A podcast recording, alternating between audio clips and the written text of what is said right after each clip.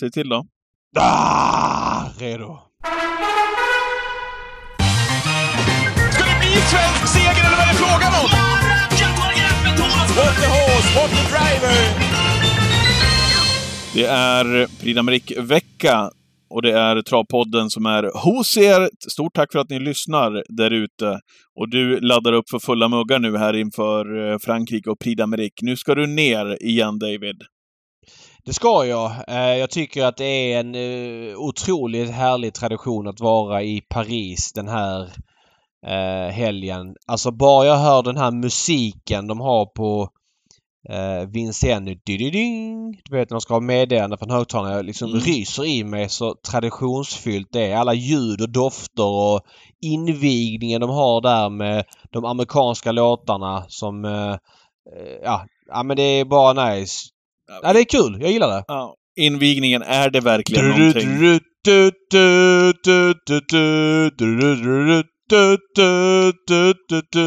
Den känner alla igen sig.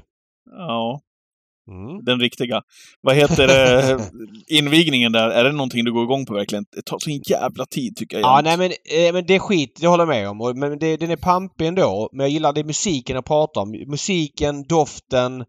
Och Bara vara på Vincennes. Det är härligt. Jag känner mig naken om jag inte är på plats. Kan du inte ta mig och, och lyssnarna, eh, hur, hur ser det ut liksom? Vägen fram nu till, till du är på plats i Vincennes. När åker du ner och hur ser uppladdningen ut och vart sitter du och hela den där biten? Ja, men jag jobbar ju som sagt för Svenska Spel i helgen så att vi är en Svenska Spel-delegation som åker ner där jag, Isak Dahlin och Raffe Wardsmo kommer sända på Expressen Prix d'Amérique på lör- äh, söndag då. Eh, men det är även lite uppsnack och sånt på lördagen. Eh, och Svenska Spel har ju då spelformen High Five där man spelar rakt in i den franska poolen. De Mm. fem första. Det är deras kvinté. Eh, Så att eh, det är den vi pratar om helt enkelt och det är därför vi åker ner för att visa loppet live på Expressen och ja, vi samlas på Arlanda. Vi tar en Air France-kärra ner ganska sent på torsdagen. Eh, Fredagen är det Något glas lugnt. på flyget? Nej, jag gillar inte det för att man blir kissnödig på flyg och så ska man springa och börjar man kissa så är det bara jobbigt. Så att det blir nog inga glas på flyget för mig. Nej. Eh, kanske när man kommer fram kan det bli någonting. Det är ju inte så på den tiden när du skulle ner och reffa åt eh, TV4. Du landade sjöfull där på Charles de Gaulle liksom på, på torsdag kväll liksom. Kommentatorn. Jobbar inte från fredag. Dricker vad jag vill fram till Och, och, och Eller på, säger... jobbar inte från söndag. Nej, exakt. När du säger så här också... Stjärnkommentatorn. Ja, exakt. Och när du säger så här så tror, då, då tar alla lyssnare in det med hull och hår och tror verkligen att det var så också. Men okej, du kan få, vi kan, vi kan bjuda på den. Du, Eh, jag och Åsa söp ju rätt bra ett år på flyget ner. Ja, det gjorde vi faktiskt. Men det var, ju- Ja. det var inte någon form av tradition. Eh, Nej, det blev så bara. Vi satt utan- på rad ett fick vi, lyckades vi Ja. förhandla till oss. Eller ni satt där. Eh, ni var väl finansierade av kanal 75 så ni åkte väl business ner. Jag fick ju pröjsa min egna biljett för jag skulle ner i, i syfte men om jag inte minns fel så lyckades jag tränga mig in på, på business också och sitta mellan er. Fri dricka Ja. hela vägen ner var det väl, vad jag Ja. minns tror jag. Kanske. Ja. Ja, vad kul. Och sen eh, när du kommer till, till Vincennes då, det är, det är ju speciellt där på stallbacken för det är säkert många lyssnare som har varit på plats på Vincennes. Säkert många som inte har varit också. Det är en speciell stallbacke och atmosfär där tycker jag nere på Vincennes som inte påminner om någonting här i Sverige. Ja men så är det. Eh, det jag ska säga då, fredagen blir väl ganska lugn för min del. Sen på lördagen brukar jag skita och åka ut i Vincennes. Jag tycker inte att det är jättekul. Jag gillar att fokusera på Prix utan gillar att vara ute i Paris och gå runt på stan där och käka någon långlunch och kanske kolla Prix du Luxembourg i mobilen eller på datorn. Men nu är det jackpot på V75 på lördag så nu blir det också ett fokus på lördag. Men jag åker ut, vi ska sända någonting från Vincennes på lördagen. Vi åker dit och som du säger det är en speciell eh, arena. Den, den lever sitt eget liv. Den är gigantisk för det första ju. Mm. Och sen är ju stallbacken, ja det är ju en, en paddock stallbacke. Det är ju inga hästar som står i boxar på det sättet liksom. Ja. Och så är det där underlaget, det är som någon form av sviktunderlag som är på lekplatser i Sverige. Ja. Ja, precis. Det är, en, det är en speciell känsla. Och sen, då, då är det ingen restaurangbesök heller på dig på, på söndagen då? Eller? Ja men det blir ju att vi går till, upp till restaurangen efter Prix. Så det blir ju inte som vanligt att man, man kommer dit liksom och, och ja, har ett riktigt restaurangbesök. Vi sänder ju live som sagt och med lite studiosnack inför liksom. Det pratar Mm. upp spelformen High Five Kvintén då. Eh, Min, så att, minns eh, en bild, eh, en tv-bild ifrån eran sändning i fjol, tror jag att det var. Det, det kan ju vara rätt kyligt där nere. Du stod där i någon tunn tröja och Ja, Såg allmänt, allmänt, mig. fru, allmänt frusen ut. Det är likt med att vara underklädd och det är väldigt kallt överlag i Frankrike så här års.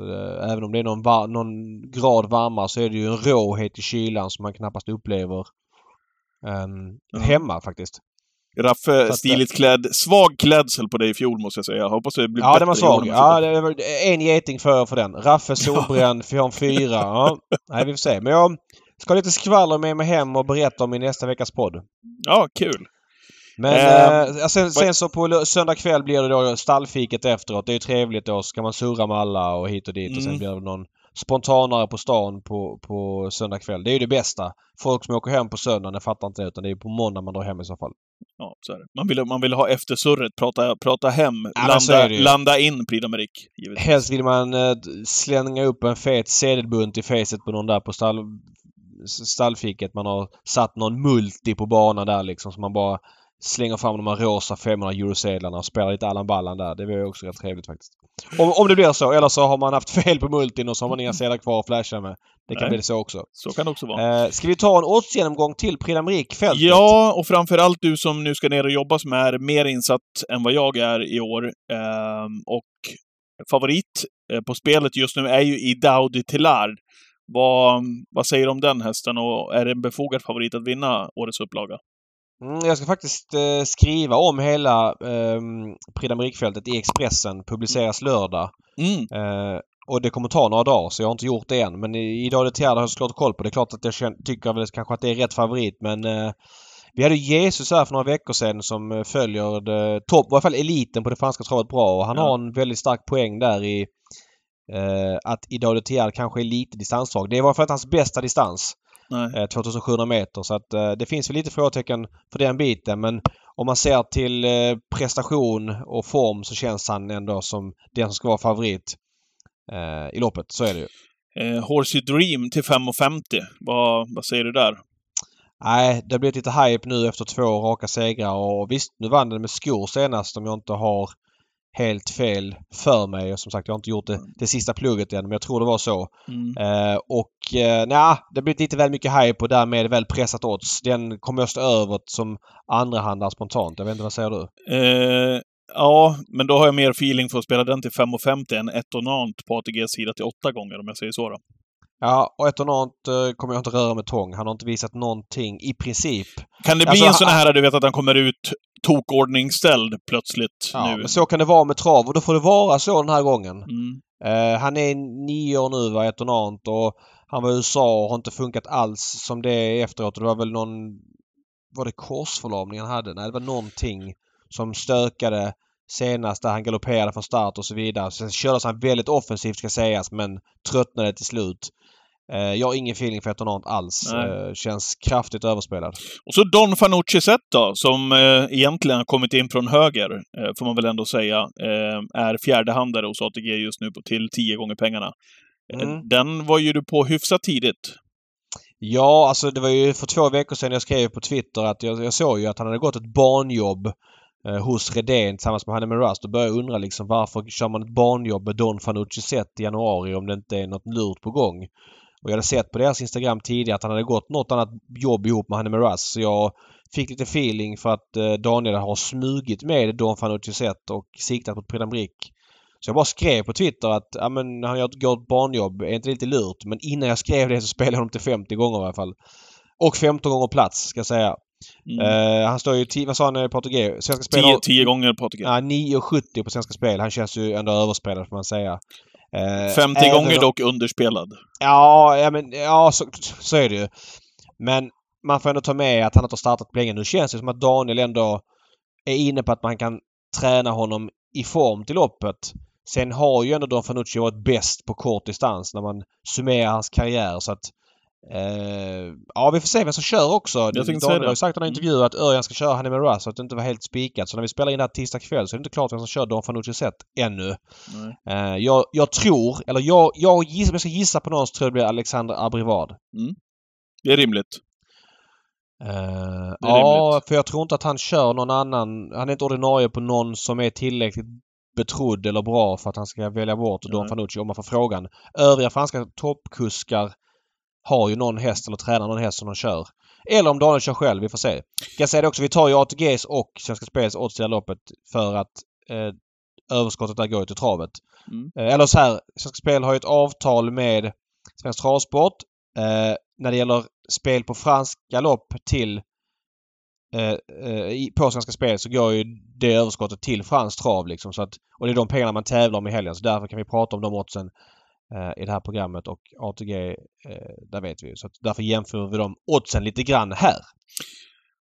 Hockerberry eller Ockerberry eh, till Mm. 12,50 då. Den eh, nämnde jag för dig tidigare innan vi körde igång podden här. Mm, den gillar jag. Mm, jag med. Eh, det är det jag tycker är bästa spelet faktiskt just nu. Mm. Eh, den var ju kall i, i, genrepet här. Det var väl, det var väl minuset som favorit i Prix de Belgique där han inte gick någonting egentligen. Han, eh, alltså nog för att man kan tycka att det borde preparera men det hade inte varit Toto-favorit. Så att det var ju någonting som ändå inte var till belåtenhet. Jag läste väl eh, Basiri i någon Paris Turf hade väl skrivit att han var lite, lite besviken på hästen men ändå inte helt knäckt om man säger så. Nej. Men Basir kommer ju välja att köra honom själv och det säger mycket och jag tycker att eh, får han rätt lopp i ryggar och det vet man att Basir löser på Vincennes, då känns 12,50 eh, intressant.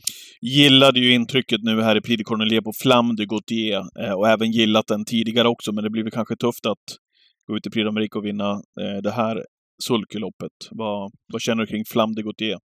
Eh, men hon är ju grym men jag håller med. Att vinna Prix de Colonier och vinna Prix d'Amérique är en tuff dubbel och och hon har väl inte riktigt matchat de allra bästa för Sulke även om hon ofta avslutar bra. Så att skulle hon ta den dubbeln blir jag förvånad. Jag har ingen feeling för henne. Jag spelar mycket, mycket hellre Hooker Barry till liknande odds. Vi behöver inte gå igenom hela listan, men vi kanske ska nämna Nej. i alla fall Sverigebekantingen Delia de Pomereux som gjorde ett fantastiskt lopp här nyligen och eh, Moni Vikingen då som ändå eh, ska ner och starta. Mm, Dele Pomereux var helt sjukt alltså att hon dök upp eh, nyårsdagen, vann alltså ehm, jag säger alltid fel på en B-loppen så gick jag in på Le Trott.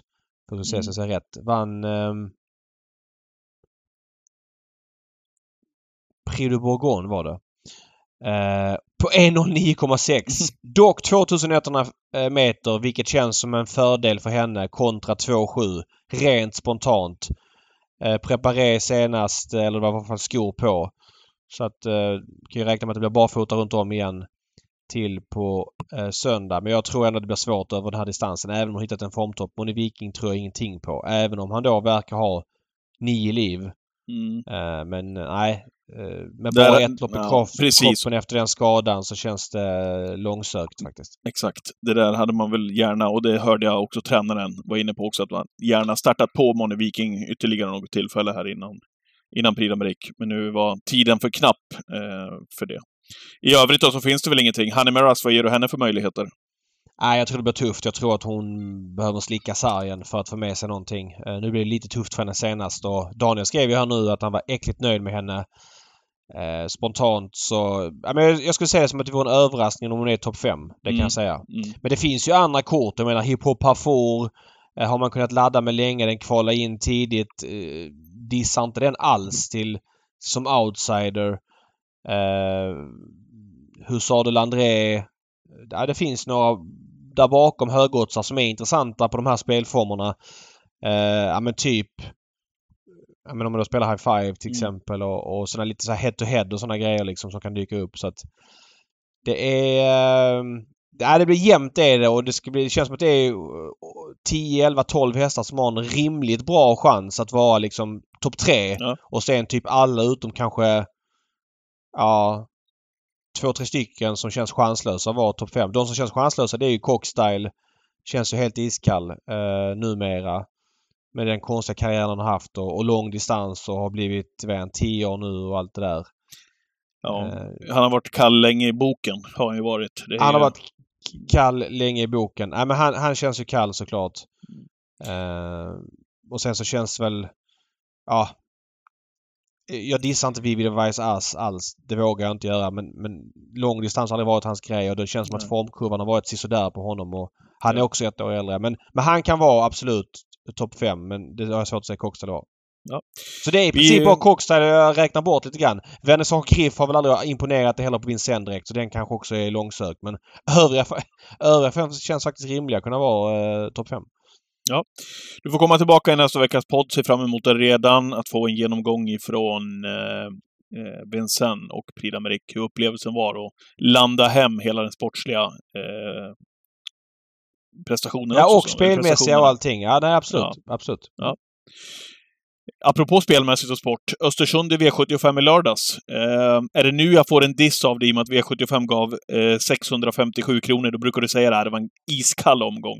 Det brukar Ja, vara men- mycket, mycket avhäng på, på utdelningen för dig där, Ja, David. både och. Det är ju det är inte bara utdelningen. Det är ju framförallt spänningen, dramatiken och... Eh, ja, men, Ja, hur, hur dramatiken. var den då, liksom. tycker du? Hur var den Ja, den var dålig. Men jag vill verkligen hylla V75 som jag gjorde förra veckan som är inne i en grym period fortsatt. Att någon omgång så här randommässigt blir iskall. Det kan man liksom leva med. Den här Östersundsomgången, men Östersund ligger ju där det ligger geografiskt. Det är få tränare från södra Sverige som åker dit. Det innebär att det blir lite distriktsmästerskap.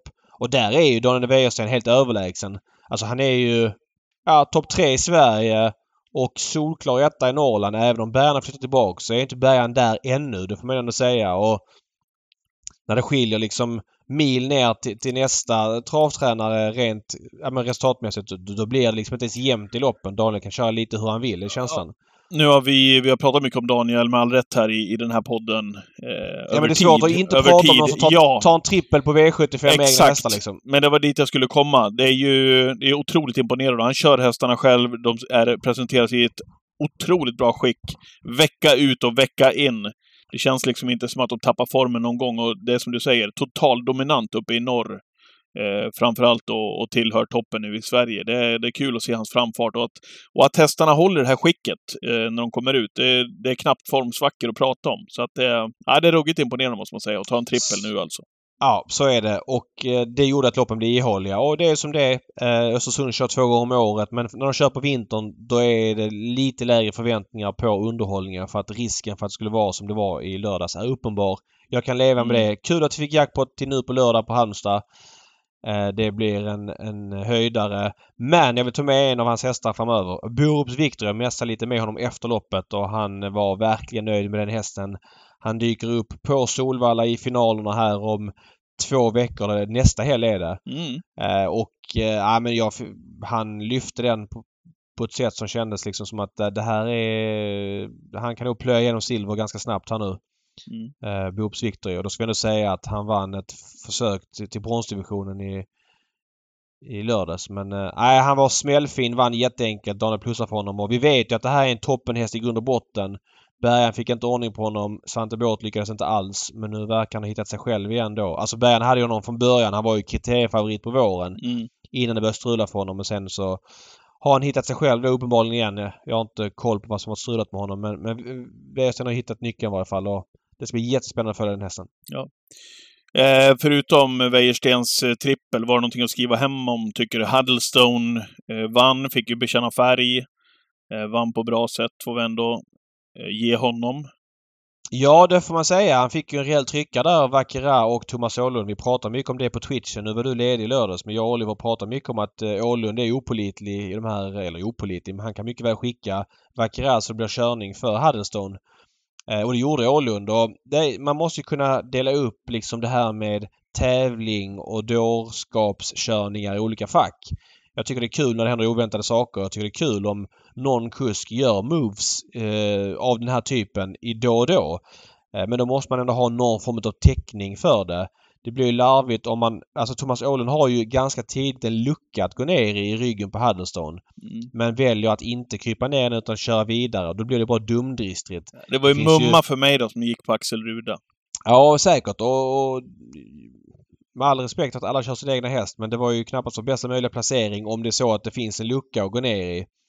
Eh, hade Torbjörn Jansson kört så med Shapes för att kunna krypa ner i rygg, ja då hade jag hyllat styrningen. För att, eh, alltså inte kört lika länge men kört tills luckan hade uppenbarat sig bakom Huddlestone. Det hade varit en kul grej. Nu blir det bara larvigt och eh, Thomas Åhlund kör ju så här väldigt ofta och nu är det så att Vakura kommer inte med på V75 så ofta för att han har ju knappt några poäng någon gång. Nu kommer han ju då med för att loppet inte var fullt. Eh, och då tog han tillfällig akt och, och göra bort sig själv tycker jag.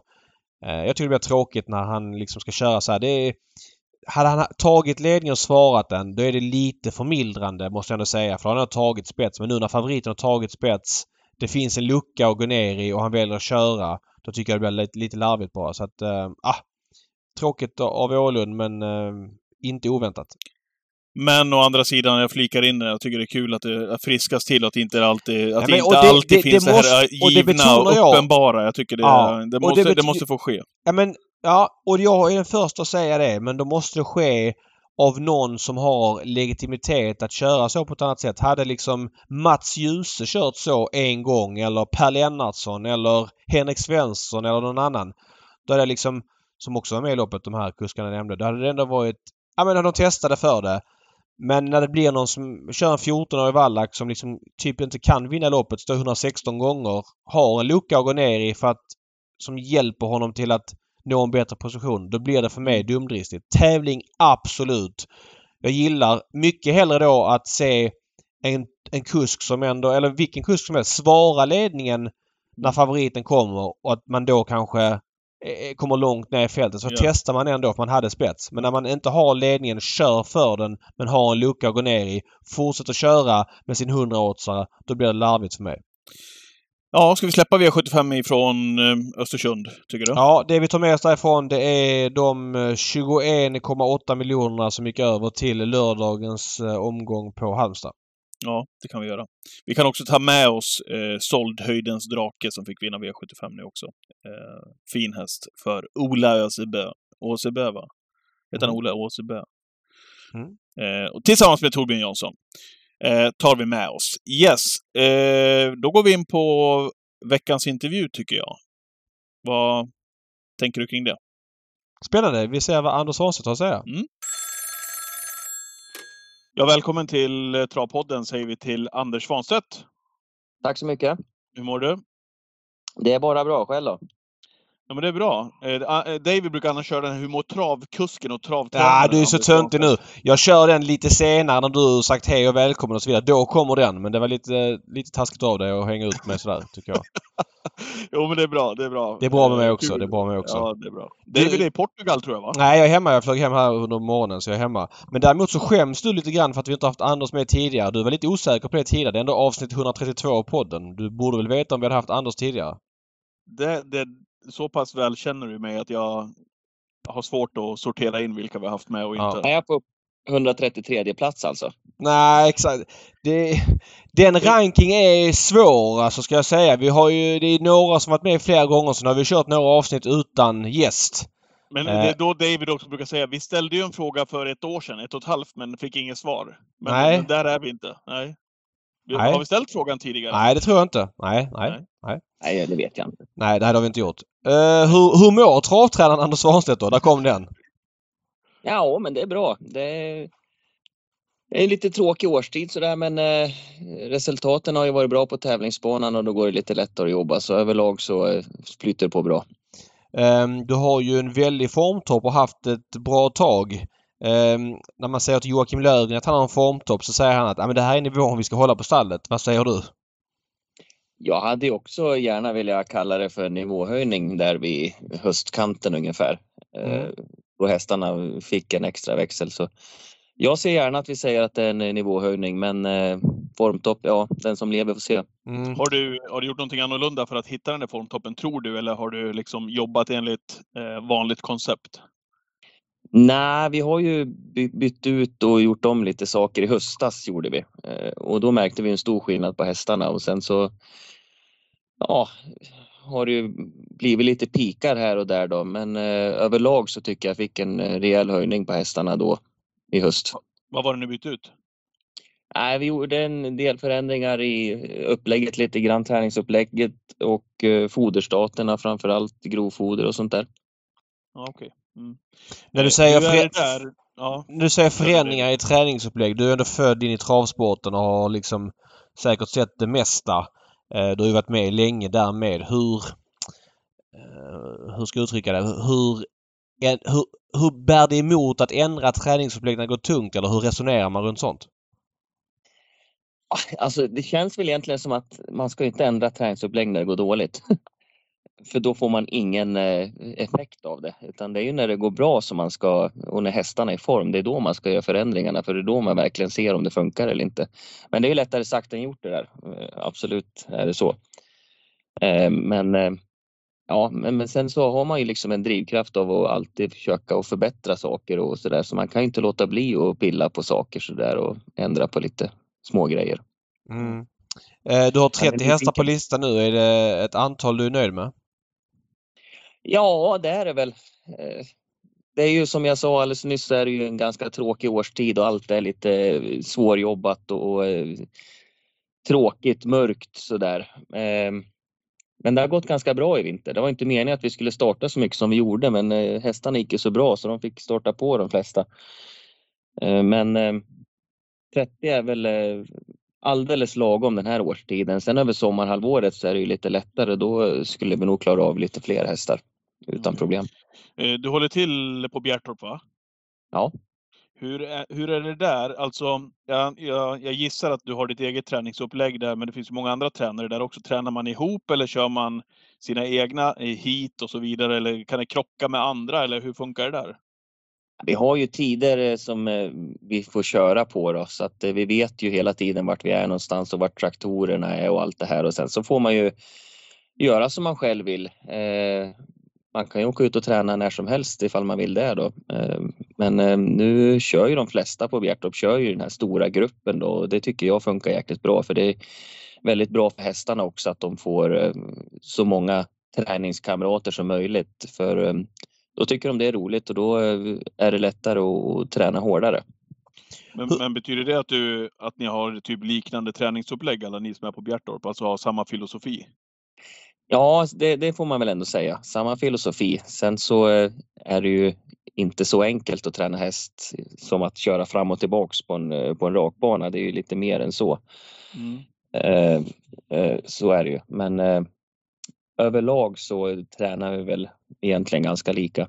Hur ser det ut på Bjärtorp nu? För visst är, är det Åke som äger gården fortfarande, din pappa?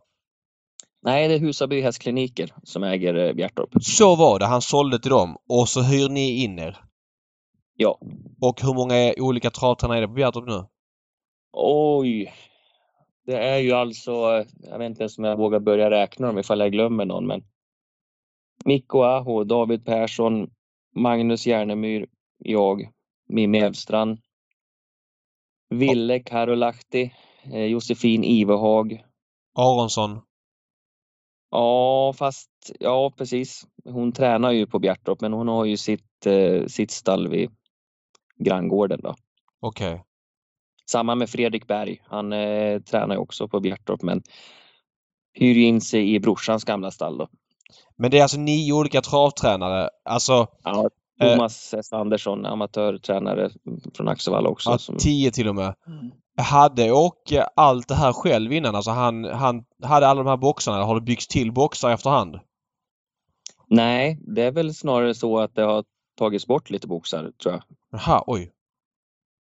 Jag tror det är 168 boxar på Bjärtorp och när pappa ägde det så hade han lite utestall och sånt där också som är borttagna nu då. Okej. Okay. Eh, plus att han ägde ju Sofias gamla gård och Rickards gamla gård. Så det var väl runt en 200 hästar eller 200 boxar då. Okej, okay, det säger mycket om hans rörelse. Uh, ja, det gör det. Hur, eh, det är ju ofrånkomligt när man pratar med dig och du är ju såklart egen individ men det är ju Du har ju vuxit upp med Åke Svanstedt som pappa med allt vad det innebär eh, men framförallt otroliga framgångar på travbanan. Eh, hur har det varit? Ja, men jag vet ju inga. Nej, det är ett bra svar. Det är lite svårt för mig att jämföra men det var ju så. Man på lördagarna satt eh, jag och Rickard hemma och kollade på V75 och pappa brukar vinna några lopp och det var liksom inte mer än det. Sen eh, visste vi inte då att det var rikstoton liksom. Men, eh, ja, nej men det varit roligt att ha fått vara med om det i alla fall. Men har trav varit liksom huvudfokuset för dig ända sedan du var barn? Nej, jag kommer ihåg att jag hade en passhäst som jag borstade på när jag var liten, alltså nu måste jag ha varit väldigt liten. Eh, sen så blev det lite moppe och skoter och sånt där och ja, du vet sånt där. Mm. naturligt. Sen när vi flyttade ner till eh, flyttade ner hit, då var jag 15 år, när vi flyttade ner till eh, Bjärtorp här och Kvänum. Då eh, började jag umgås med lite, lite hästskötare i stallet och så då började jag ramla tillbaks dit. Då. Men det var ett par år, fem, sex, sju år där som eh, det var lite trimma moppen, du vet, första Mm. kåta. Ja. Mm. Och, och sen då, när blev travet liksom nummer ett för dig? Ja, men det var ju strax därefter när jag var 16-17 år då. Då gick jag i skolan, gick eh, automation in i Vara och eh, lärarna tyckte att jag var morgontrött för jag kom alltid en halvtimme sent. Men det var egentligen bara för att jag ville vara med och köra första turen då på morgonen. Så då kom jag inte, det gick inte att hinna till eh, lektionen började då. Sen Okej. så bestämde jag väl ganska tidigt att jag skulle börja i stallet och direkt när jag gick ur skolan då. Så jag lyckas ju ta mig igenom det skolan då med godkända betyg och sen eh, dagen efter studenten så Ah, det blev nog två dagar efter studenten. Ja, för du var Så bakis dagen efter. Ja, så orättvist. Jag kommer inte ihåg. Men, eh, hur har det varit då? För att om vi pratar, du är född 86. Eh, när du är alltså 17-18, då tar du studenten 2005. Eh, och Åke åker till USA, vad är det, 2013 va? Mm. Så du var med om hans bästa år får man ändå säga, även om man på Bergsåker var en grej men han slog ju alla de här rekorden. Eh, det var väl i början på 10-talet. Han vann Elitloppet 2009 med Tore Palema. Visserligen 2004 också med Gide Palema men du var väl ändå där i stallet de här bästa åren. Eh, hur, hur var det? Men det är ju tyvärr så att man tar ju, när, när det liksom går så där bra hela tiden så är det sorgligt nog alltså, så tar man det liksom för givet lite grann och allting gick så smidigt och bra och eh, ja, och hästarna bara vann hela tiden. Alltså, och när man är mitt inne i det så, där så tänker man inte på det så mycket. Men det var ju, ja, jag var ju hästskötare i många år och det, vi åkte iväg på V75 och det var liksom som ja, vilken tävlingsdag som helst och eh, hästarna vann och var med och krigade där framme på V75 nästan hela tiden. Men det är ju nu när man eh, själv är här i, som tränare så förstår man ju hur otroligt det var alltså att vi kunde vara med på den nivån hela tiden i så många år med så många Vad- olika hästar också. Vad berodde det på framför allt tror du? Svårt att säga givetvis något konkret så, men vad, vad tror du liksom är de största faktorerna till att det gick som det gick där? Ja, han är ju, han har ju en otrolig koll på, på liksom hästarna kan man säga. Vi, vi körde alltså 30 hästar eh, åt gången Mm. Men alltså om det var någon långt bak, typ i sjunde par utvändigt som tog ett felsteg, då liksom, även fast han satt och tittade framåt hela tiden så visste han det. Då frågade han, jaha, vad får man där för? Då Mm. trodde man att man hade försökt att dolt det, men eh, det gick inte. Han hade en otrolig koll. Och sen så eh, är han ju en eh, otrolig kusk också och det är inte så många som tänker på det. Men eh, jag tror inte att det hade gått lika bra om man eh, anlitade andra kuskar. eh, Tror jag inte. Nej. Nej, otroligt. Det är många som, som säger det där med just med, med träningshiten att, att det var sån otrolig koll på, ja, men på samtliga individer så att säga av hästarna. Att, man, att han hade det fokuset. Det är rätt otroligt egentligen. Man hör ju många som drar på sig mycket hästar som säger att ah, men vi måste gå ner för att det blev alldeles för mycket. Lennartsson på." sa ju det ju. Han, Ja, han var ju det ett bra exempel. Han, hade ju, han gick ju från, jag vet inte, 50 till 150 ish och sen så sa han en dag kom jag ut i hagen och kände inte igen en häst. Eller typ. Eller någon häst och då menade han på att han fick trappa ner men men det verkar inte Åke ha lidit av. Nej, han körde alltså. Det var en del hästar som han aldrig körde inför start, men ändå så typ kände, han- kände han hästarna. Han visste precis vad de skulle ha på sig allting genom att bara varit i närheten av den på rakbanan i tre hand. alltså. Men om vi pratar om din roll där för att när såg du det som att du skulle vara en anställd i Åke Svanstedts stall de här åren eller började du snegla åt att dra igång en egen rörelse eller fanns visste du om hans USA-planer som gjorde att du tittade åt ett eget håll? Hur tänkte du där liksom? Jag visste ju om eh, USA-planerna eh, en ganska bra stund innan ni andra visste om det, så då började jag planera för att ta ut min egna licens då, men det hade jag nog inte gjort ifall han varit kvar. Det hade jag inte gjort. Hur långt innan är det här han åkte att du började alltså att det här började liksom utkristalliseras. Okej, okay, pappa kommer dra. Jag vill inte följa med till USA. Jag vill bo kvar här och dra igång min egen rörelse. Hur, hur, alltså, vad pratar vi tid liksom? Är det år innan eller två år innan eller? Ja, det var nog två, ett och ett halvt, två år innan jag för mig. Jag kommer inte riktigt ihåg. Ja, jag fattar. Och hur gör man då? Alltså, var, var det givet att du skulle ta över befintlig rörelse eller skulle du starta upp något eget? Eller vad, vad tänkte du där och då? Det var väl inte så mycket tanke egentligen. Det är klart att det, det börjar ju liksom, man kunde inte planera så mycket heller som det var ingen annan som visste om att han skulle åka och det var han ju ganska sen med har jag för mig. Mm. Eh, och då blev det ju liksom som det blev då utan det var ju Ja, jag var ju tillgänglig till de eh, hästägarna som ville ha kvar hästarna på Bjärtorp helt enkelt. Men hur, hur, hur, blev det där nu om du hjälper oss att fräscha upp minnet? Fick du ta över många av hästarna som, som Åke hade i träning där i början? Ja, det var ju alla hästar jag hade i träning kom ju från, eh, från Bjärtorp. Då. De stod ju kvar på Bjärtorp. Sen ja. kommer jag inte ihåg exakt om det var 60-70 hästar eller sånt där. Eh, ungefär. Ja, så, var, så många från början alltså? Ja, det var det. Men då var det väldigt många som sa att eh, ja, men vi, vi kör på i någon månad, sen så hittar vi nog på något annat. Då. Men i början, direkt första dagen eh, jag tog ut licensen, så hade jag nog en 70, 75 hästar tror jag. Men hur var det? Det måste ha varit en enorm Exakt. omställning då från att liksom ha varit eh, ja, men hästskötare till att ta över så pass många hästar och som också då antar jag också har levererat eh, på banan också. Ja, precis. Det var ju, det var ju några som var riktigt fina där som eh, jag för mig att det var finaler i Breeders Crown typ veckan efter jag tog ut min licens. Så efter en vecka så hade jag två, tre stycken med i Breeders Crown-finalerna. Mm. Har jag för mig. Nej, det var ju, men då, det, vid den tidpunkten så fick jag ju ta över skötarna också. Okay. Och eh, de hade ju liksom bra koll på upplägget så där så att det blev ganska smidigt ändå blev det. Eh, men, Men sen försök, var det... ja, försökte du träna likadant Exakt. som, som Åke? Hur funkar det där när man tar över? Börjar man liksom... Du har varit indoktrinerad i den stilen liksom och du har varit extremt framgångsrik. Tänker man då att ja men okej nu kör jag efter mitt huvud eller kör man på i samma stil? Hur, hur funkar det? Det är svårt att kopiera någon annans upplägg liksom. Ja, men vi körde ju på i, i, samma upplägg gjorde vi och sen var ju hästarna, jag kommer ihåg pappa startade dem ju ja, vecka, vecka innan han åkte där och det var ju liksom bara fortsätta när liksom formen var uppe var det ju så att vi kom in rätt in i hetluften så ja, på de här sista månaderna från ja, oktober, november, december så gjorde vi ju fan 150-200 starter och sånt där. Jag kommer ihåg att det var trav varenda dag så det var rätt in i hetluften bara. Eh, hur, ble, hur blev det där. Förlåt, vad sa du? Nej, vi tränade ju, samma upplägg körde vi.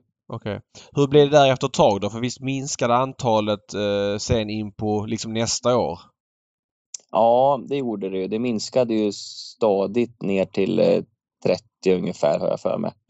Var det på egen begäran eller hur kom det sig liksom? Nej, jag, nej det var det inte. Utan, eh, men däremot så visste jag ju om att det skulle ske. Okej. Okay. Eh, visste jag ju det var många hästar som eh, liksom var redan på retur då som jag ja, tog in för att ja, vara ett alternativ då helt enkelt. Jag stod, såg det väl mer som att eh, ge ägaren bakom hästen en eh, service då. Ja. Eh, men eh, det gick ner till 30 i alla fall så. Men var det, det ett var antal du ville ha eh, sen?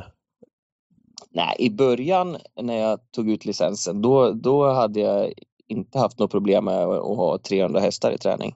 Okay. Men då var man ju ung och eh, dum höll jag på att säga, men man var ju liksom taggad upp till tårna sådär och man skulle ju förändra världen liksom. Men eh, ja, den, den målbilden har jag ju inte idag då. Nej, för det här är ändå några år sedan. Eh, det var nästan tio år sedan eller mer än så. Hur har det här... Det har hänt mycket sedan dess. Det har varit upp, uppgångar och nedgångar men vad har du lärt dig? Har du liksom bytt upplägg? Har du mer format rörelsen efter din och nu hittat någonting som passar dig som person och sådär? Eller hur funkar det liksom på vägen? Ja, men man lär sig ju eh, varje dag i det här yrket och man lär sig ju saker om sig själv också sådär och eh, och det är klart att man jag, jag ångrar mig lite grann att det blev så mycket hästar i början. Mm. Eh, gör jag. Men eh, nu har jag ju varit nere och vänt. Jag hade väl åtta hästar för två, tre år sedan tror jag. Eller tre, fyra år sedan hade jag åtta, nio hästar i stallet och var ensam och jobbade helt själv. Så nu har vi, känns det som att eh, vi har byggt upp det här från scratch igen faktiskt och, och eh, då har man lite bättre koll tycker jag. När man liksom har varit ner och studsat på botten och gått upp igen. Var det så det kändes att, eh, att du gjorde? Att gå från det här hästantalet. Jag menar många som också tänkte att okej, okay, nu ska vi se Anders kan han leverera samma som pappa. Man jämför sig även om det eh, är eh, sjukt orättvist och sen studsar ner som du säger som åtta. Var, var det feelingen att, att, eh, att du var på botten? Ja, men när jag hade 8-9 hästar där, då, då kändes det som att eh, nu, nu kan jag inte komma lägre. Och det var ju liksom lite problem med ekonomin och sånt där eftersom det har gått neråt lite för, för fort. Då. Eh, och så. så då kände man sig inte så jäkla kaxig, alltså det gjorde man inte. Va, vad gör man då när eh, den man har jobbat hos och ens pappa bor på andra sidan Atlanten och, och bedriver en framgångsrik verksamhet? Ringer man dit och frågar, ber om råd eller sådär? Eller hur agerade du? Det är ju så svårt. Eh, alltså det handlar ju egentligen inte om hur... Det, det är nog svårt att ge råd i ett sånt läge till eh, när man bor 500 mil ifrån varandra, tror jag. Mm. mm. Men, eh, nej, men vi krigade på i alla fall och nu står vi här och nu är jag väldigt nöjd med tillvaron i alla fall. Och, ja, allt är liksom personalbiten är löst och vi har inget större problem med det och hästar kommer in och går ut. Så kommer det alltid vara och det kommer väl att skifta lite mellan 25-35 kanske men eh, det, känns, det har känts stabilt de senaste ett och ett halvt åren ungefär. Ja, du är verkligen po po positiva siffror. Alltså du är ju, eh, om vi bara tar som, som exempel 2020 153 starter, 7 segrar, 854 000 inkört. Du dubblade de siffrorna eller lite mer så till och med till 2021 och, och ytterligare en kraftig förbättring till 2022 då med 218 starter, 22 segrar och 2,7 miljoner. Och redan i år då 300 000 över det på 25 starter. Så du är mm. verkligen åt rätt håll. Ja, men det känns som att eh, vi är på väg åt rätt håll. Eh, vad, vad, vad, tror du att det är anledningen till Anders? Alltså just att, att det här, de här siffrorna som David berättar om här är det några andra, liksom, har du landat i verksamheten, liksom i allt vid sidan av? Att du känner att det pusslet funkar eller vad, vad tror du? Nej, det handlar ju väldigt mycket om hästarna och det materialet man har i stallet. Alltså man blir aldrig bättre än sin, eh, sina hästar. Nej. Det är ett skittråkigt svar men det är faktiskt eh, otroligt viktigt vilka hästar man har i stallet. Och det handlar ju i och för sig kanske lite om att man ger sig själv möjligheten till att ha de här hästarna i stallet. Men eh, ja, man måste ha lite tur och eh, jaga efter bra hästar och det brukar ge bra resultat när man gör det. Hur, Hur ser hästägarstrukturen ut där då? Är det trogna hästägare eller kommer de och går? Är det flyktigt eller vad känner du? Ja, men det är en liten blandning faktiskt. Ja. Hur jagar du bra hästar? Är du aktiv på auktionerna eller riktar du in dig på starthästar? Hur resonerar du där? Ja, men man försöker vara med lite överallt och, och eh, ha lite små öron eh, överallt sådär på äldre hästar. Men eh, aktionen är ju roliga tycker jag när man får eh, sitta och kika lite i, i katalogerna där och kolla på alla filmer eller videoklipp på hästarna sådär och gå igenom stammar och, och sånt. Eh, vad gillar du? Vad går du efter? Har du någon speciell nisch? Eller jag menar att Muscle Hillary Cash är bra, det vet ju alla. Men hur, hur jobbar du i det avseendet? Har väl inte någon speciell avelshingst eller hingst sådär och stammarna är väl, moderstammen är ju viktig tycker jag att den är bra. Sen hingstarna är ju inte jätteviktiga för mig så länge det inte är en fransk hingst för sånt tålamod har jag inte. Men eh, allt annat... Berätta, ut, utveckla det. Vad vadå? Nej, jag har inte haft någon tur med de där franska hingstarna. De göttar och far och de är rödhåriga och pullar och galopperar det, det, jag kan säga så här, det är, det är en och annan som har fått åkt till den här Duville-auktionen och fått med sig fem hästar. Men problemet är att de har fått med sig fem galopphästar hem från den travauktionen. Det men träffar du rätt så får du ju eh, kapacitet eh, utöver det vanliga. Det vet ju du också om. Så det är ju såklart... Eh, men, men det var kul att du säger så liksom att det är så pass mycket jobbigare att jobba med dem. Ja, men och sen så är det ju egna, det är erfarenheter man har själv. Så, och jag har inga bra erfarenheter av de där hästarna. Nej. Men är det Så, någonting så är du... det. Men annars är exteriören tycker jag är väldigt viktig. Att det är något som passar sådär och har bra djup och mot, motorer och sånt där som, som alla andra kollar på. Fast vi har ju olika liksom, sätt att se på det ändå som tur är. Då, så. Men, men, fick du, Eller fick men fick du lära dig av- av din pappa det här med franska hästar? För att mig veterligen så har han ju ändå lyckats med ett par franska hästar om man säger så milt uttryckt. Hur, när kom det liksom in i bilden? Det är helt och hållet egen erfarenhet. Okej. Men, men, men tänker du även på Ready Cash och sånt också eller? Ja, ja mer eller mindre. Jag, jag drar alla över en kam där. Jag tänkte, att, du- jag tänkte komma till lite av dina favorittester framöver och tänkte eh, lägga fram crème de la crème som du hade. Det är ju en Ready Cashare till exempel. Men eh, ja, Ja, det var ju... Jag vet det och den är en av mina bättre hästar jag haft eh, som gick världsrekord och, och tog väl fem eller sex raka segrar. Men eh, då var man passagerare också och hon har satt sina spår i mina, min kropp kan man säga. Ja, okej. Ja. Men det var i alla fall en som var väldigt bra. Ja, otroligt bra. Jättefin häst sådär. Och, eh, det var det verkligen. Du, när du var, eh, på den tiden du var lärling, var du bara hos Åke? Du var aldrig hos någon annan? Jag var eh, hos Jimmy Takter i eh, sex månader. Eh, var du nöjd med det att du bara var på ett annat ställe? Jag vet, vi hade, jag vet inte om det var Dante eller Adrian som sa det att de ångrade lite grann att de inte hade varit på något ställe till och förkovrat sig. Vad säger du om ditt val om det? Nej, men jag var ganska nöjd med det. Var jag. Det var ju väldigt eh, intressant att vara hos Jimmy där. Man fick ju köra jättefina hästar. Och det var ju helt annorlunda jämfört med, med pappa då, för han hade ju bara starthästar och malde på där i sambanan fram och tillbaka och hos Jimmy så var det ju bara unghästar då. Det var under en period där Jimmy hade väldigt ont i ryggen, vilket gjorde att jag fick ju sitta och köra de här Muscle Massive bland annat körde jag ju hela vägen fram till uh, Hampletonian-segern där. Mm. Eh, Så det var ju otroligt lärorikt att köra de här fina hästarna. Dels för att veta hur en bra häst ska kännas eh, egentligen, men också eh, hur man arbetar med dem inför de här stora loppen när de skulle vara toppade. Då. Fattar. Ja, häftigt. Ja, verkligen. Eh, du, ehm, hästarna som eh, dina mest namnkunniga hästar genom eh, de här åren du har haft som travtränare. Då. Jag, jag nämnde Crème de la Crème. Varför blev det så få starter där på henne? Gick hon sönder eller? Nej, hon eh, fick problem med karpaltunnlarna och vi opererade henne där. Men efter det så var det som att det blev lite pyspunka sådär. Sen så fick ju ägarna ett jättebra bud som avelsmärr på henne som de i princip inte kunde tacka nej till. Nej, Hon har väl börjat bra i aveln också väl? Ja, jag har lite dålig koll men helt okej i alla fall. Ja, jag tror det. Eh, fler hästar då som du vill ta fram som du har haft eh, genom de här åren? Ja, jag hade ju några där som jag tog över som jag inte hade så länge. De eh, kan man väl egentligen inte räkna kanske för det hade jag inte så mycket med att göra. Men Burning Line Graal hade du väl? ja, det hade jag ju ett tag då. Du vann ju en silverfinal med honom i Elitloppslördagen, kommer jag ihåg. Jag tror det var 2013. Ja, Från spår 12 va? fram i döden, va? Vad sa du? Fram i döden ska Ja, precis. Från spår 12. så Eh. gjorde seger på häst. Ja. Ja, men det minns jag. Eh, Hillastrius fick du också in väl och började väl väldigt bra hos dig där och gick väl någon nio tid. Eller tio, låg tio i alla fall. Ja, precis. Så gjorde det jättebra i Sprintermästaren där. Och, men han hade ju lite problem med förstören där så det, det blev lite för kort karriär för honom tyvärr. Eh, och det är ju lite lurigt att ta dem från USA tycker jag. Ja. Varför då?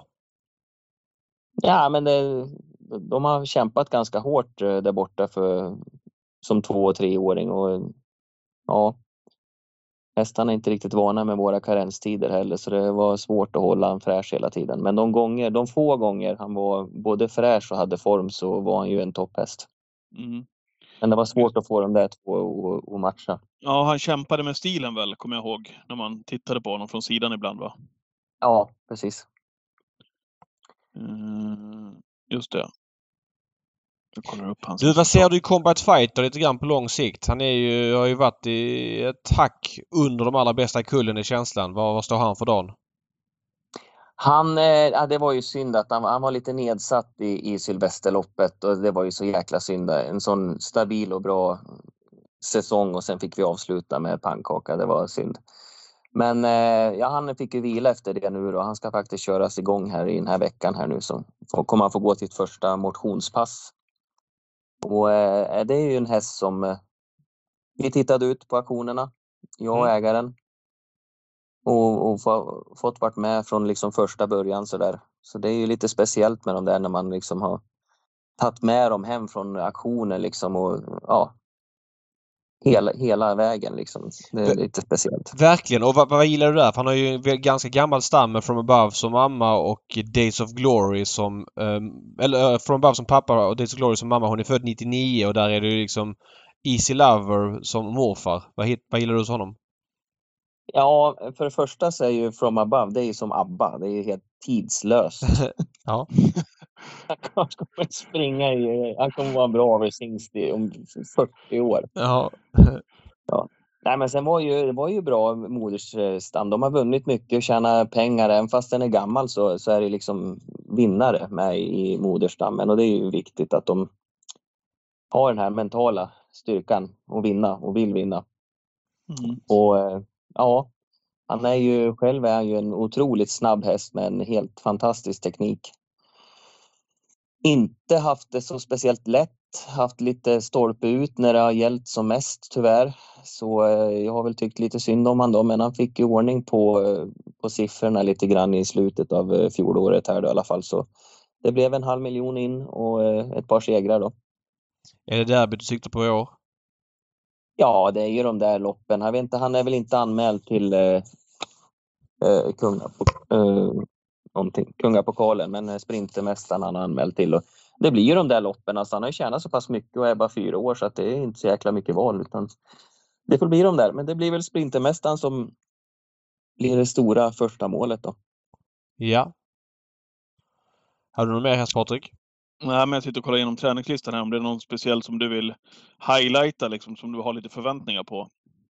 Ja, det är väl, ja, Peaky Blinders tror jag eh, har en polett kvar i utvecklingen. Det känns så i alla fall. Mm. Eh, sen så är det inte någon årgångshäst då, för han har ju fem år nu och ja, det blir väl kanske lite V75 och sånt där då. Eh, sen har vi ju Gingis Khan är väl den treåring som, eh, som utmärker sig mest just nu då. Mm, Okej, efter Maharaj ja. Maharaj, Mm. Ja, precis. Han har varit igång och startat lite grann, men han har, han har varit lite flummig så här i de två första starterna och inte riktigt eh, fattat eh, det här med att, att tävla och sånt där. Men eh, det känns eh, som att han har en rejäl motor och han går på halvfart bara. Vad kul! Eh, syskon till Baron Gift ser jag. Precis. Eh, apropå det, eh, Rickard, brorsan som hade Baron Gift där, vad, vad gör han för dagen? Han valde väl att lägga tränings, träningströjan på, på hyllan va, i fjol? Ja, det stämmer. Och han, eh, vi hyr ju några boxar där nere i hans gamla stall då. Det gör vi. Eh, nej, men han är i byggbranschen och trivs bra med det. Och okej. Hänger med grann i travet och har lite koll på, på mig i alla fall vet jag. För han skickar något grattis ibland. Så att, mm, lite koll har han allt. Vad var anledningen till att Rickard valde, valde den vägen? Ja, det vet jag inte, men han ledsnar väl helt enkelt. Det, Ja. det blir så ibland. Mm. Men är han Han- hos dig och kör ibland och sådär eller? Nej, det är han inte. Han, han har sagt att han kanske kan köra någon fin sommardag. En fin häst som inte Ah, okej. Inte den här årstiden i alla fall. Nej, det är väl ingenting som är... Nej, han, och sen jobbar han ju mycket nu också. Och så. Och så. Men det verkar, han verkar trivas bra i alla fall. Ja, kul att följa den. Eh, syskon till Baron Gift alltså. Eh, nej, men jag, jag hade en häst eh, som jag fastnade för, David, eh, som Anders hade tidigare i, i, när han tävlade. Det var Send in the Clowns, kommer du ihåg den? Absolut, Just absolut. Kunde jag glömma den då? Ja. Ja, eh, det var ju en, en underbar Ja, häst att se från sidan. Ja, ja han var helt underbar Var det inte From också. Above på den också? Nej. Nej. Nej. Nej. Nej. Nej. Det står helt still. Ja, mig också. Eh, här, här har vi den. Eh, Send in the Clowns, ruggigt fin häst i alla fall. Pappa var Kadabra. Som- Ja, ja. Eh, och så mamma Ja, Montreal Lane. favorithäst var det. Han var så jäkla trevlig att göra med och fin att köra och sådär. Fasen, det var en tråk, tråkigt avslut. Det var, Ja, vad hände där? han, eh, fastnade i ett hål i hagen när det var fruset och vred runt kotan så att det Nej, blev fan säger slarvsylta av allting så han fick vi ta bort. Kotan var sprucken på eh, flera ställen. Åh fan. Ja, det var en rugg- ruggigt fin häst ju. Ja, precis. Liten men eh, jäklar eh, vilken härlig häst det var. Eh, ska vi gå in på din V75-start på lördag? Du åker alltså till Halmstad med en häst. Varan detta?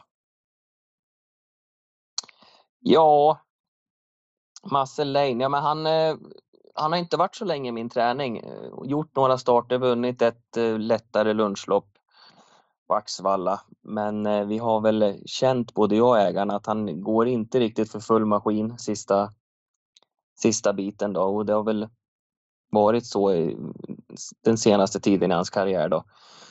Och då tänkte vi att vi testar lite monter då. Och eh, det verkar som han har fått eh, tillbaka gnistan eh, igen.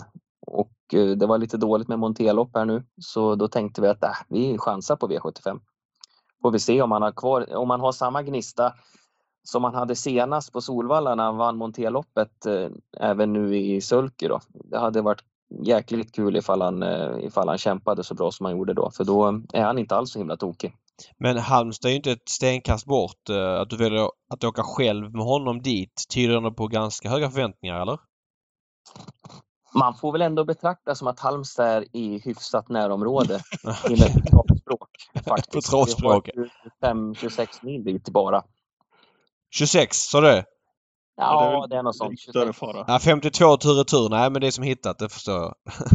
Ja, men fan, Ja, det- Nej, men jag, jag fattar. Av Jag fattar. branschen så är det nästgårds. Ja, jag fattar. Mm. Men eh, vad ska vi förvänta oss? Han blir lagom mycket spelad, runt 8% just nu. Det är ju låg omsättning och sådär. Är det svårt för dig att bedöma motståndet och sådär. Men känner du att du ändå med, med rätt resa kan vara med och slåss om det? Han är ju väldigt startsnabb ska vi säga. Är det någonting du... Vad, vad tänker du där? Han höjer sig en klass i ledningen. Ska vi tolka det som att om du når spets att du är sugen på att testa där? Jag ska försöka komma dit. Och kommer jag dit så, eh, så vill jag köra där. För det är V75 och det är det tuffaste loppet han har varit ute i på ganska länge.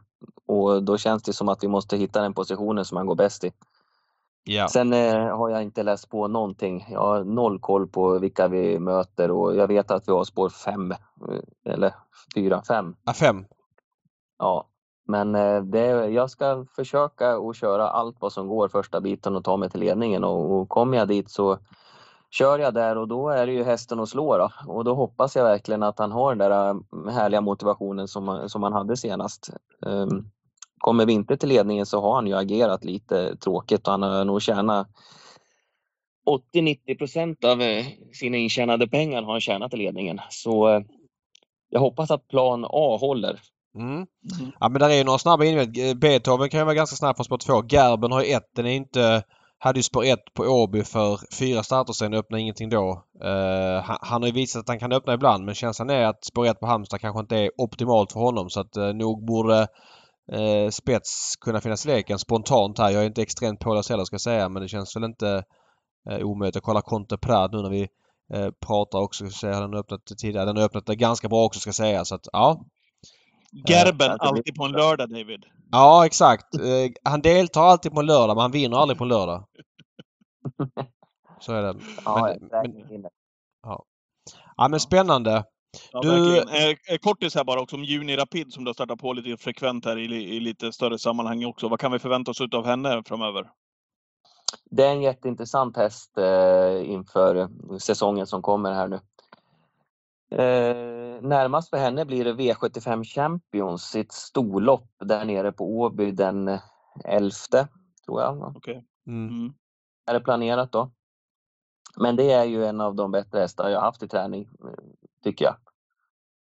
Ja. Eh, Sen har det av olika anledningar så har det inte blivit mer pengar intjänat än vad det har blivit. Men eh, hon blev ju skadad och fick vila väldigt länge och sådär. Och, men eh, hon har ju kommit tillbaks nu i alla fall och hon, eh, jag upplever det som att hon är i sin livsform. Är, är, är det sån kapacitet i henne att, det- att det är en blivande stor elitshäst som kan vara uppe och liksom tävla i det? Eller är det, är det en häst för de här klasserna mer? det är ett stort tack dit upp, men eh, nu är hon ju i, i en sån klass så att eh, det kommer vara diamantstoet som gäller för henne egentligen hela sommaren. Då. Så I de loppen så är hon inte golvad. Fast det har ju kommit lite nya propositioner. Hon kommer kunna starta i silver någon gång. eh, Eller framförallt de här loppen som var på Kalmar upp till två miljoner med, med spårtrappa. Jag tror det kommer något till sånt på V75 framöver. Ja, det kanske det gör, men eh, jag vet inte. Det, det känns som att det är schysstare mot henne att gå ut i, mot bara ston i... Jo men där är det bara ston. Alltså eh, silver fattar jag men de här storloppen som var i Kalmar, det som, som Ola Samuelssons häst vann ju. Det var ju väl stäng, 500 till 2 miljoner och så spårtrappa. Ja, ja, just det, just det. Jo, men eh, ja, det är sådana där lopp som vi kommer få ute i. Mm. Mm. Eh, det är ju Prix d'Amérique här i veckan. Hur mycket följer du fransk trav? Ja, inte så mycket. Jag, får eh, ont i armarna bara jag tittar på dem på TV. Nej, nej då. Nej, men jag hänger med i de här fina... Loppen. rödhåriga galoppörer. ja precis. Precis. Men, eh, ja, och sen så eh, när det är hästar man känner till då. Eh, Cash and Carry till exempel har, har jag ju kikat lite på när hon startar. Då. Hon ska väl starta en halvtimme eller något. Mm. Tror Eh, vad tror du om årets Prix då? Vem vinner? Ja, jag hoppas ju att det blir eh, någon svensk, höll jag på att säga. Men det är ju inte så många svenskar med. Det är ju bara Daniel väl. Ja, Mm. så är det. Ja. Ja, det hade ju varit kul för svensk travsport om en svensk vann såklart. Ja. Men vem tror du? Vad har du för känsla runt de franska? Är det någon som sticker ut för dig? Jag kollar på fransk trav för sportens skull. Det är absolut inget spel med överhuvudtaget. Nej, jag fattar. Nej. Men är det någon av de här du gillar som sticker ut och någon, någon av de franska hästarna som du har blivit mer imponerad av eller du tycker det är jämnt som många andra?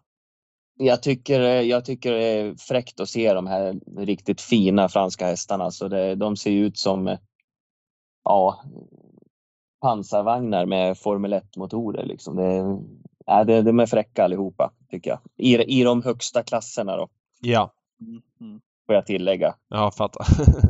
Eh, när du var inne på Cash and Carry där som har gått jättebra för dig Anders eh, och gjort fina resultat. Lämnade hon träning för att hon skulle vara ner till Frankrike just eller lämnade hon av andra skäl? Nej, men det var ju planen. Johan ville ju testa henne nere i Frankrike och var hon väl eh, inte som bäst sista starten för mig uppe på Hagmyren och då sa jag, då kom vi fram till det att eh, om du ska få hästen i ordning till Frankrike så är det nog bäst att, vi, att den nya tränaren får, får börja och jobba med det redan nu då. Så det var Ja, helt okej. eh, enligt planen då och ja, inga konstigheter så. Mm. Nej, skönt det. Hur, hur nära följer du amerikansk travsport och, och pappa, pappas verksamhet där borta? Ja, det följer jag ju lite noggrannare. Det är ju egentligen varje Ja, nu är, är det ju ett litet break där borta då. Nu är han ju nere i Florida och solar sig. Men eh, under tävlingsperioden så är det varje morgon när jag vaknar så går jag igenom resultatet och är det någonting som sticker ut så går jag in och kollar på reprisen. Så att det följer jag ju väldigt noga. Eh, Sa han någonting om eh, Elitloppshelgen här? Jag, jag vet att han blev intervjuad i TV och då var det väl eh, inte något speciellt han hade inför Elitloppet i år tyckte han för det fanns så många lopp för de bästa där borta. Har du fått några andra vibbar? Ja, men det är ju så. De har ju fruktansvärda pengar eh, att tävla om där borta och en amerikansk ägare är ju egentligen inte så imponerad av att åka kanske till Elitloppet och tävla om pengar som de kan göra här hemma. Speciellt inte nu när flyg och allt sånt där kostar massa pengar och sånt där och det är ju en jäkla tuff resa för hästarna också så det gör ju att de missar en del. Inte bara kanske ett lopp bort i USA utan de missar väl ganska mycket om det. De ska ut och resa. Ja, jag fattar. Ja. Ja men jättebra. Är det något mer du vill tillägga Patrik? Nej, jag tänkte bara höra om vi får behålla Anders på, på svensk mark eller om det kan bli samma planer som pappa tog här framöver eller om inte det finns i mindsetet. Det har ju en familj att tänka på också nu och eh, det är eh, kvinnan i huset som drar in degen så jag får nog följa henne. Då, då, blir det, då blir det att vara kvar, kvar i, i Skaratrakten. Västgöt, eh, ja, pöjk. För alltid. För alltid. Ja. Fyra Olle. Ja, ja. ja, men jättehärligt Anders. Stort tack för att vi fick, Ja. eh, att vi fick ringa dig. Vi har ju varit på dig många gånger här. Du har ju tackat nej här i... det har han inte alls. Men Det har Det, det tror jag inte att jag har gjort. Jag Nej, det har du inte gjort. Nej, det. Nej. nej, det har du inte gjort. Eh, Stort lycka till på eh, lördag med Marcelin i alla fall och kör de 52 milen försiktigt. Tack ska du ha. Det var Toppen. schysst att vi fick 133 Stort tack. Ja, vi hörs. Ha det bra. Tack, tack, Tja. tack. Hej. Hej, hej, hej. Ja, härligt eh, snack med eh, Anders Svanstedt där alltså. Eh, ja, spännande att lyssna på tycker jag. Ja, men det här med att eh, ta över sin pappas rörelse, det är, blir ju orättvisa förväntningar på det. Ehm, jag tycker att det är, det är klart att man lär sig mycket av att ha en pappa som är extremt duktig på att träna, träna och köra häst men att tro att det bara är att hoppa in i den kostymen och träna vidare liksom och att det ska bli bra, det, det är orättvist helt enkelt. Så att, skönt att Anders hittat sin nivå som han trivs med och stallet går väldigt bra så att eh, Hästarna ser fina ut, eh, helt klart. Spännande att följa framöver och, och starten här på, på lördag också då, nu på Halmstad. Eh, när det gäller V75 eh, dit alltså, det är jackpot och det kändes... Jag är ledsen David. Nu finns det de som kommer säga att jag har fel, eh, givetvis, och det har jag. Men första anblicken när man slog upp eh, listorna på Halmstad V75 kändes som att det var 150 Halmstad-hästar ungefär. ja, Det, kändes, Ja, det, var, eh, det var taken man hade direkt när man slog upp V75. Det var inte det... Första anblicken gick jag inte igång på V75-omgången i alla fall, det kan jag säga. Vi behöver ju inte gå igenom lopp för lopp men kan du Nej. precisera lite mer vad du menar? Nej, men det kändes som lokala mästerskap. Och det kanske är det det blir den här, den här årstiden också då. Mm. Eh, men eh, du kanske blir nöjd när det är lite eh, fulla lopp. Det är 15 hästar i V75, 6 i diamantstoet. Eh, lite uppdelat i V75s fjärde avdelning med lite olika distanser, lite olika volter. Eh, nio hästar kvar i guld efter strykningen på Haramboko. Eh, som blev struken ifrån spår 8. Ja, fulla lopp i övrigt så att... Med en jättefavorit i första, en jättelampa i första i Kong Crow. Men Mm. eh, ja, det, det var Mö- första möter taken. ingenting. Det är väl det som är grejen. Han är ju spår två med lång distans känns till hans fördel och så vidare. Så att han kan väl bli svår att fälla rent spontant. Sen är Mm. 66 procent är ju maffigt såklart. Aetos Eh. Kronos ska ut i guld ifrån innern. Vi pratade om honom i förra veckans podd också. Ja. Ja. Eh, ja, nej det går inte att ha några höga förväntningar på honom. Eller jag har inte det i alla fall. Jag bara noterar nu. Det är alltså tisdag kväll. Pacific Face från spår 9.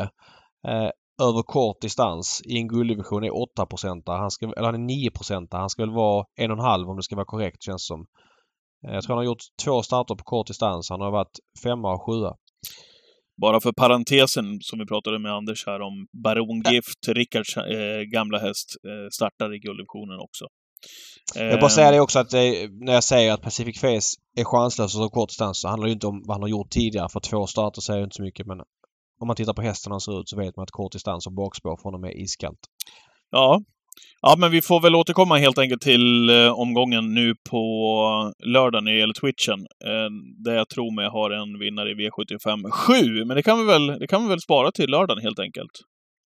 Mm. Mm. Jag ser att eh, Mattias Djuse skickar ner några hästar. Bland annat den här Håna Am som du trodde skulle vinna senast. Du hade den på V86 som, som ospelad. Vet du var namnet kommer ifrån? Håna Am.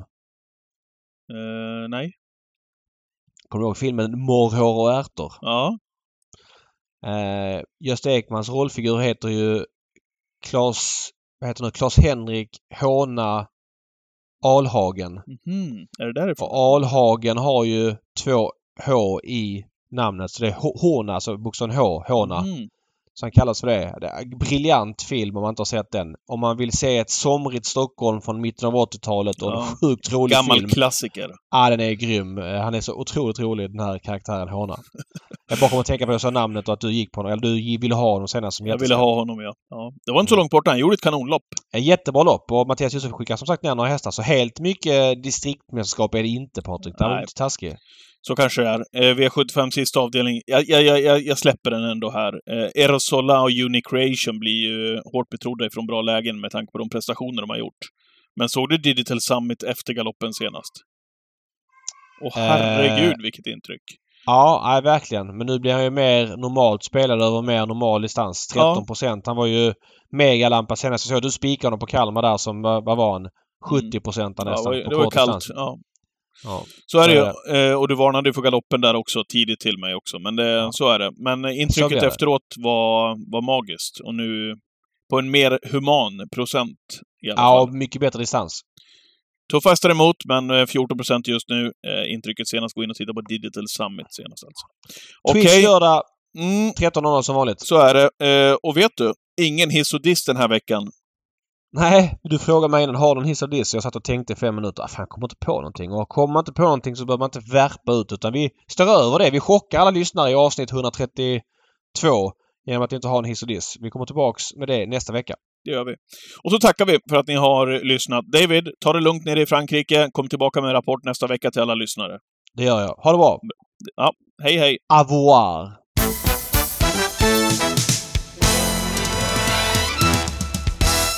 Au revoir H. Kommer du ihåg tränaren? Stig Henry Johansson.